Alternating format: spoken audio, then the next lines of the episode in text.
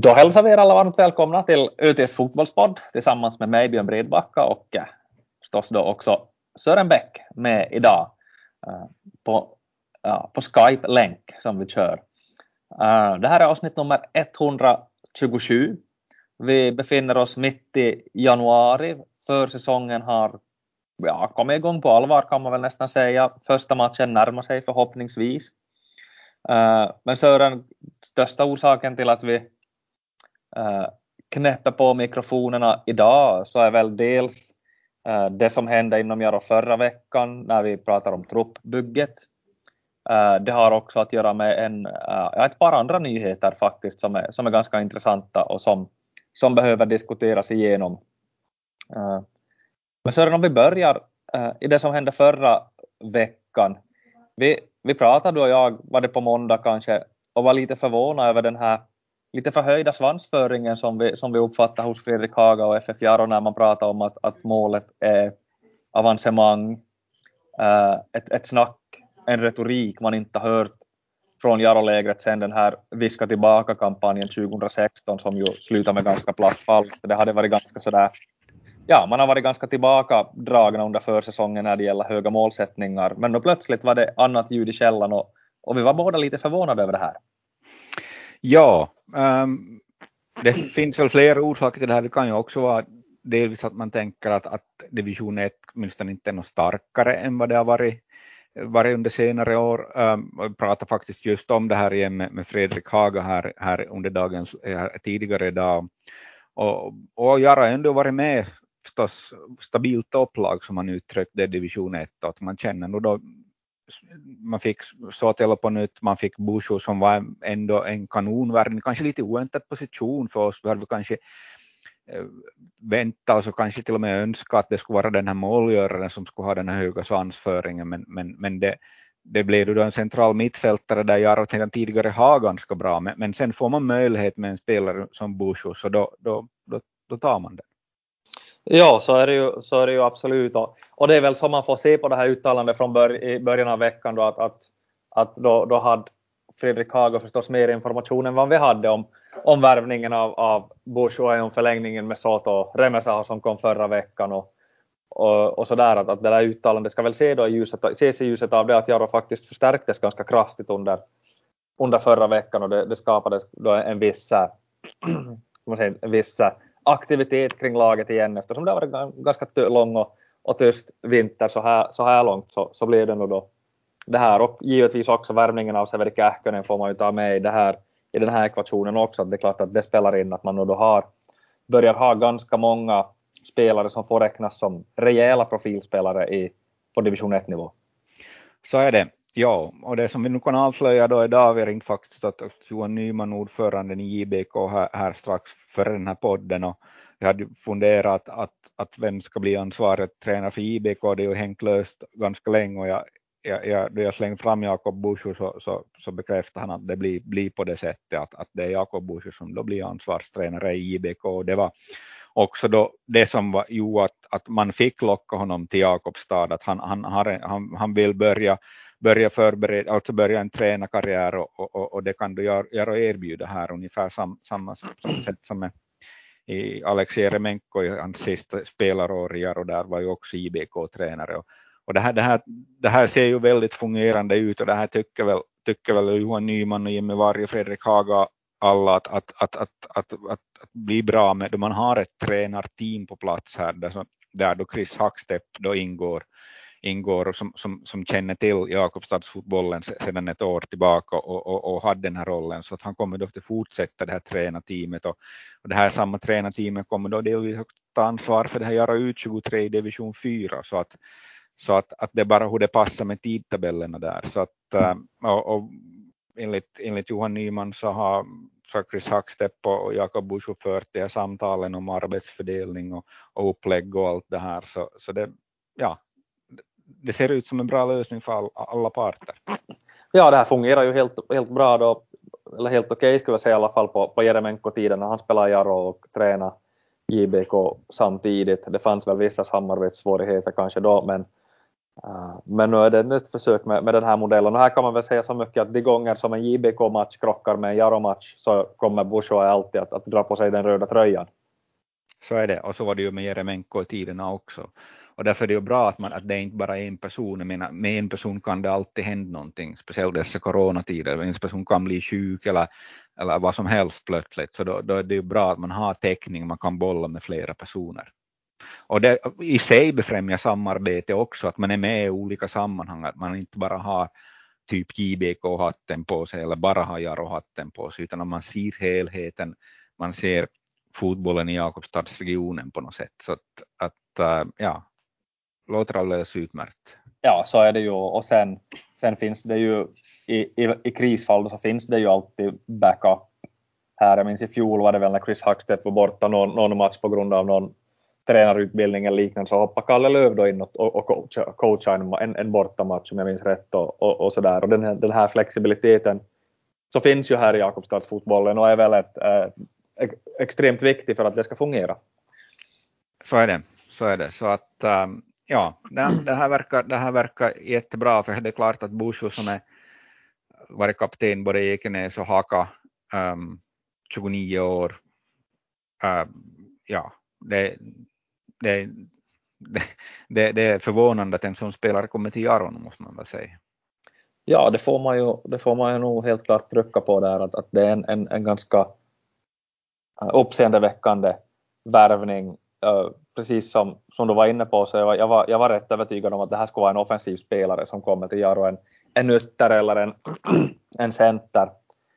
För det är väl kanske där som behovet på något sätt är som störst.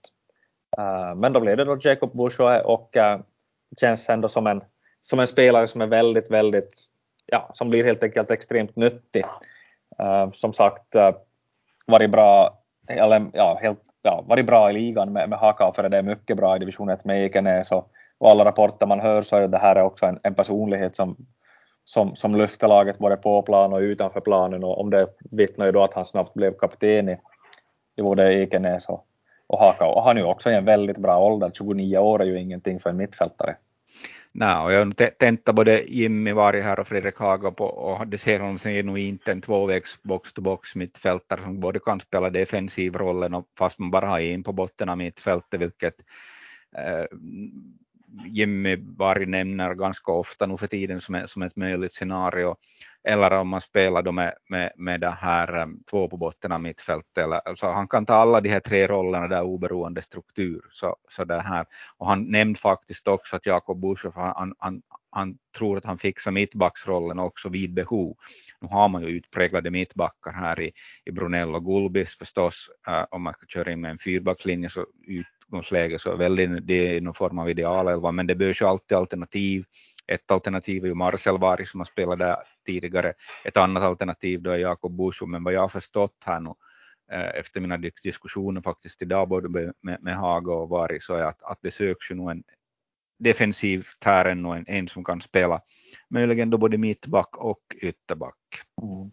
Ja, det känns ju nog i min bok som att Jara skulle behöva in åtminstone två backar till Mm. Eh, det finns i princip fyra backar i laguppställningen och det, det är ju alldeles för lite med tanke på skador, avstängningar, sjukdomar och, och, och så vidare. Så att, äh, som är aktuell, hyfsat aktuell är Danilo Shevchenko som är här och provar nu 02 född. Ähm, kan också vara en, en rätt förmånlig lösning, kan bo med sin kanske bror och sådär och, och, och till den diten under, underlätta anpassning för båda två.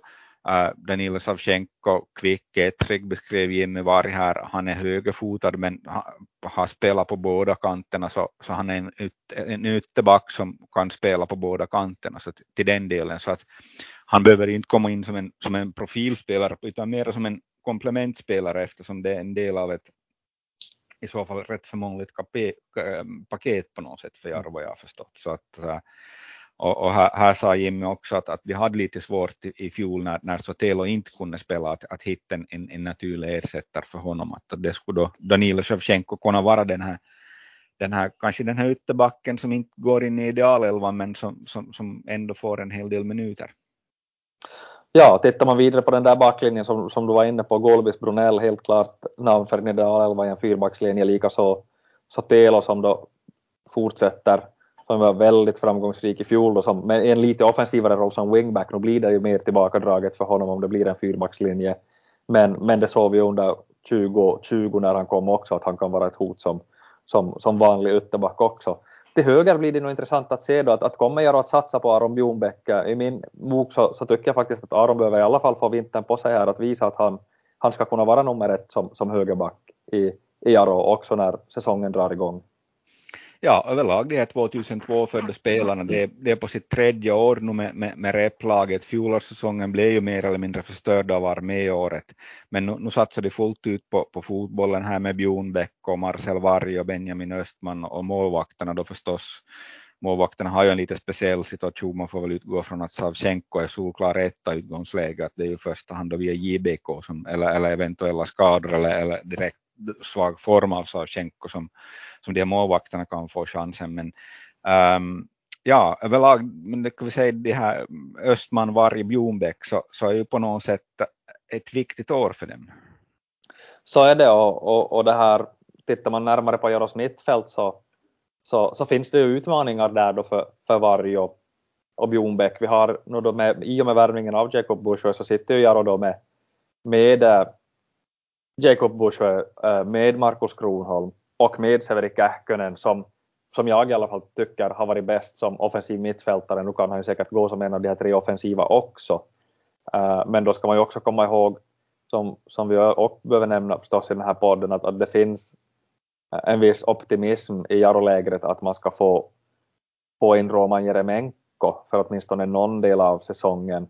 Och i så fall så blir det nog väldigt trångt på ett sånt där tremanna mittfält så blir det, och, en spelare som faktiskt är högaktuell för comeback i de här sammanhangen är Antonio Hotta, äh, jämngammal med um, Simon Skrabb. Diskussioner pågår där det är närmast väl han jobbar på Snellman att han får ett jobb som kanske inte är så fysiskt betungande så att han kom, kan kombinera det med att, att ta det här steget upp. Så att han är faktiskt högaktuell för, för, för, för, för en comeback på den här nivån.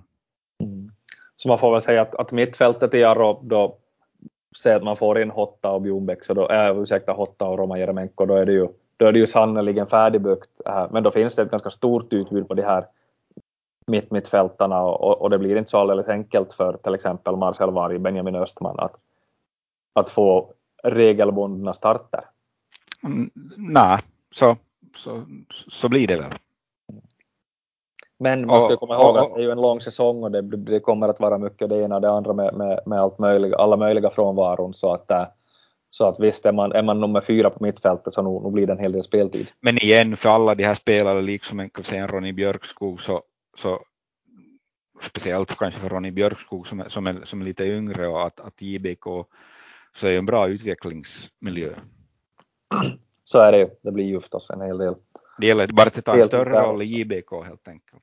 Ja, det var ju så också. Severi Kähkönen kämpade sig upp att till, till slut. Han, han, han, och Olusanja. Ja, Olusanja också. Efter de, de, de, ganska, ja, det var en, i princip en hel vår som de tog stora roller i JBK innan de sen också klarade av att börja ta, ta större roller i, faktiskt det som Jimmy alldeles nyss nämnde här, då vi pratade, pratade här trappstegs lite, att tog fart med Ronny Björkskog, att, att, att han, han menar att det här Jaro U23 hade väckt väldigt viktig roll i fjol, att han spelade på våren i Jaro U23 och det var en förutsättning för att han sen skulle kunna ta, ta den roll han tog i, i JBK och bli en riktigt viktig, riktigt, en viktig spelare för JBK på, på, på sommaren, hösten, för att sedan också spela, spela några matcher med, med Jaro när, när, när det blev fanns behov här på, på, senare på hösten. Så att, att, det här, att, att, att han faktiskt under en och samma säsong, men att just för att, för att han skulle kunna bli användbar då, både JBK och Jaro replag i division 1 så, så var det väldigt viktigt att han fick de här seniorfotbollsmatcherna i fyran på vårkanten. Ja, det, vi har ju varit in på den här trappstegsmodellen flera gånger och den är, den är livsnödvändig för, för Jakobstadsfotbollen förstås. Och då igen att vi har de här tränarna om vi ser nu som Jakob Bushu kommer in här och Chris Hackstedt, Jimmy Varg som, som ja, håll, följer med på alla nivåer vad det verkar som. Så, så du har att vi följer med dem här, de här att det, det är inte som tränare som ser bara på, på ett lags intresse utan det ser till helheten och det ser framförallt till individen, vad individen behöver och att individen får en bra matchning. Att det, här, det, här, det här fungerar faktiskt utsökt bra för tillfället tycker jag i Jakobstadsfotbollen. Ja, och det är förstås glädjande. Det jag tänkte att vi skulle återkomma lite till som du var in på här riktigt i början äh, angående med, med Jaros lite högre svansföring kring avancemang och sådär, så är ju den här konkurrensen, eh, konkurrenssituationen i, i division 1 som man ju kanske inte ska dra för stora växlar på ännu i, i januari. Eh, uh, och man kan väl säga att varken du eller jag, vad jag vet, har nu någon råkoll på de övriga lagbyggena runt om i landet. Äh, men som du nämnde här så är ändå känslan att, att, att sett, ser man på det just nu lite utifrån så är konkurrensen i division 1 inte fullt så mördande som det kanske var i fjol till exempel när vi var i den här position, i, i den här läget på året. De har ju, ja, då vi, åtminstone jag har för mig att både du och jag var ganska sådär, ganska tveksamma till Jaros chanser att kunna åstadkomma Eh, någon riktig toppstrid. Ja, det är väl de här vanliga lagen som, som Faraboan här. Vi har, vi har TPS och Kotka förstås som säkert kommer att bli Gnistan brukar kunna få, få ett rätt ja, ganska rätt, rätt starka, starka, stark spelartrupp från Helsingforsregionen. Möjligen Ekenäs i samma, man vet ju aldrig hur, hur, hur ett Järvenpää blandar bort här, hur ser, hur ser spelartrafiken ut eh, mot Gnistan versus Järvenpää. Jag, jag är för dåligt insatt i, i det här eh, logistiken där i Helsingforsregionen för att kunna uttala mig om, om, om vad, vad som, vad, vilka spelare olika klubbar väljer. Och så har vi ju faktiskt PK35 förstås också. Jag såg att den här Muslim Mar Marjev eh, spelar, kommer att börja spela för, för PK35. Han har ju lite sådana Hotta-lik spelare, lite, lite annorlunda, lite, li, kreativ um, ja, spelare som, som, som, som kan bli spännande att följa.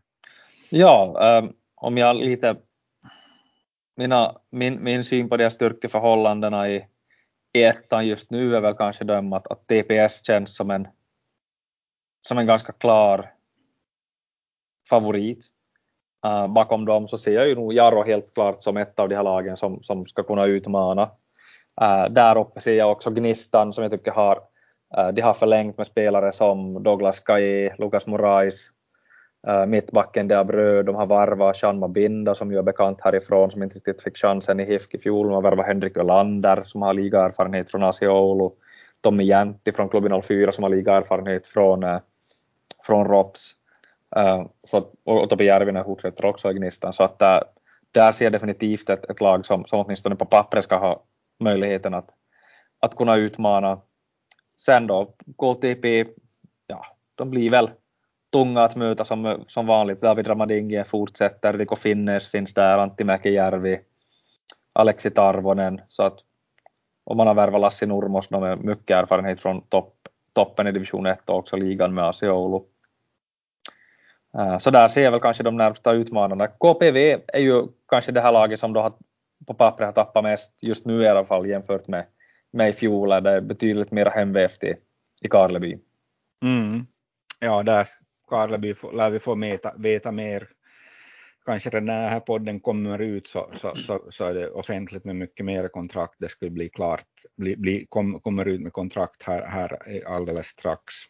Ja, vi kan väl säga att vi spelar in här tisdag, eh, vad blir det, tisdag lunch ungefär och, och idag på eftermiddagen så, så kommer då KPV att, att offentliggöra några nya spelare om det handlar om nya spelare eller kontraktsförlängningar, det är oklart, men eh, det vet ni förmodligen när ni lyssnar på detta. Uh, en, om vi nu ändå tittar lite på de här division 1-klubbarna så är ju en, en, en sån här kontraktsförlängning också som tyder som, som, som var oväntad på samma sätt som att Jaro kunde få Jacob Bushway så är väl att, att MP då har lyckats förlänga med, med mittfältaren, nigerianske mittfältaren Jonathan Dungin som, som jag tyckte var en riktigt, riktigt bra division 1-spelare i fjol och, och på något sätt såg ut att ha större uppgifter i sig. Men, men kanske är det nog så att det är så pass mycket klubbarnas marknad just nu att, att det är helt enkelt svårt för de här riktigt bra spelarna ändå att hitta, hitta nästa steg, att utbudet på, på spelare är så pass stort. Och framförallt en allmän osäkerhet med restriktioner som kan ja, dyka upp när som helst, att man kanske, jag har i alla fall pratat med spelare som man, man ändå vill ha i den mån man kan få trygghet inom fotbollen och framförallt fotbollen på den här nivån vi pratar om att, att det här, ähm, ja, man, man vill ha någon form av, ja, alltså mm. om man får ett kontrakt så, så, så, så lönar sig det att fundera in och två gånger innan man, innan man tar en chans genom att söka vidare att, att det här, vad, vad som helst kan hända. Mm. Det är kanske inte, inte bästa tajmingen för olika globala äventyr. Nej, så, så är det väl definitivt och kanske är det en orsak då också till att en, en, en spelare, klassspelare som Jonathan Dungeon ändå fortsätter i ett MP som, som väl ändå, ja, som, som värvar ganska bra tycker jag. Jona Hiltunen, en av de bättre kreativa spelarna från Jippo, kom dit. Eh, uh, och man har gjort några andra helt okej okay förlängningar där också. Jag skulle inte förvåna om, uh, om MP blir vassare och farligare den här säsongen än den som, den som var. Uh, tanken är ju att Jaro ska spela sin första träningsmatch för säsongen nu på lördag borta i Uleåborg. Den här matchen var ju preliminärt planerad till förra lördagen, blev flyttad till den här lördagen för att Oulu då skulle möta VPS. Men den matchen blev i sin tur inställd på grund av coronafall i AC Oulu. Och jag förstod sen att du har senaste nytt här, men att man, det, det mesta är nog osäkert när det gäller den här matchen. Ja, det senaste nytt är väl att, att det snabbt kan bli föråldrat nytt. Att, det, att utgångsläget är att matchen, matchen, matchen ska spelas och, och, och den, den, är bokad, men, men vad var det, det var väl i fredags som den blev inställd och det är väl ungefär senast på fredag då som, som det kommer att bekräftas eller inte bekräftas om det blir match. Så att ähm, ja, mm. det, det, som med allt annat i dessa coronatider kan det ändra, ändras mycket från en dag till en annan. Så är det ju. Det skulle sitta bra med en match nu och sen kommer ju den här division 1-cupen ganska snabbt på. Den börjar 5 februari så det är bara ett par helger dit.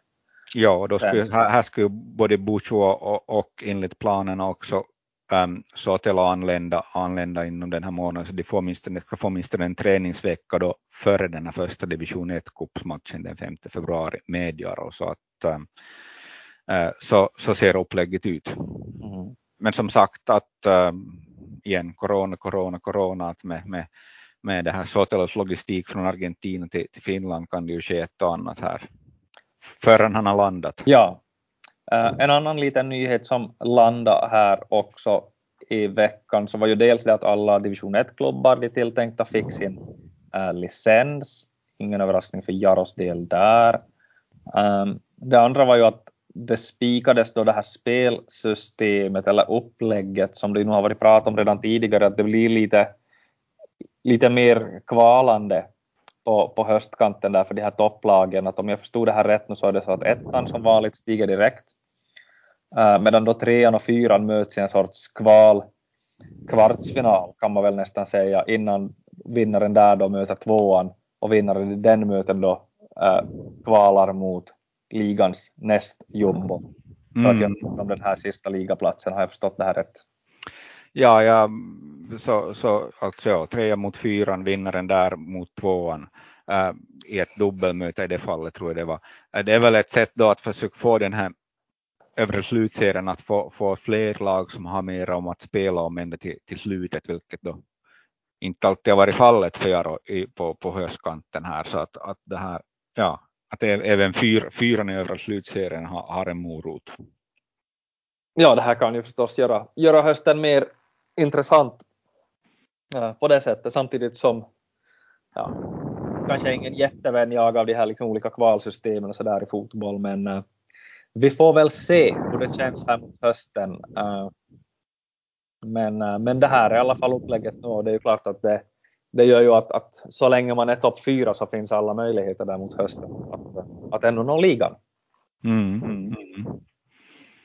Ja, så blev ju Alex Ramsey klar idag, rent offentliggjort. Det har väl varit mer eller mindre på lut. Det har funnits ett ömsesidigt intresse. Igen handlar det om att få ihop vardagen och allt det här. Men, men han, han är då i första hand in, in, inspikad som center. Och, och, och det här till skillnad från kanske Severi Kähkönen som, som enligt Jimmy Vars och många andra sätt säkert sätt, sätt att se, se att mer kanske mångsidig spelare som kan röra runt på, på alla de offensiva platserna. Så, så utgångsläget är i första hand då att, att det här att Alex Ramsey är center. Man ska ha in en en offensiv spelare. Det behöver inte nödvändigtvis vara en utpräglad center förstår jag på innevarg, utan det kan vara en som kan spela på flera positioner där. I ett tilltänkt 4-3-3 system så kan du ha, har du eh, fyra till fem offensiva spelare beroende på hur man ser på och, och hur man har vänt mittfältstriangeln. Ja, så, så blir det ju. Vad, vad, tror du att man har tänkt i första hand för Severi Kähkönen där? Kom, är, det, är han tänkt för någon av de här tre offensiva rollerna eller någon av mittfältsrollerna? Det är väl ungefär där var han behövs bäst. Ska vi säga att ponera att en Ramsey får flyt och fungera bra så då, då lägger man in, eh, kan man lägga in eh, Kähkönen i positionen till exempel strax där under eller, eller, eller komma in från en kant. Att, att det, det, eftersom han är, det är ju som med mångsidiga spelare, att, att det, också, det är bara Alltså det är också beroende av, av hur, hur, laget fungerar som helhet och var det behövs bäst för laget vid den givna tidpunkten. Och samma kan ju delvis gälla för, för, för till exempel Bushud också, också att, att det här att äh, vi utgår från att spelare som Kähkönen och Busuk kommer till spela när de är friska och någorlunda levererar, det har ju i alla fall den nivån, men, men, men sen den här positionen kan då vara ute efter vad, vad laget för det, vid det givna tillfället behöver, behöver som bäst.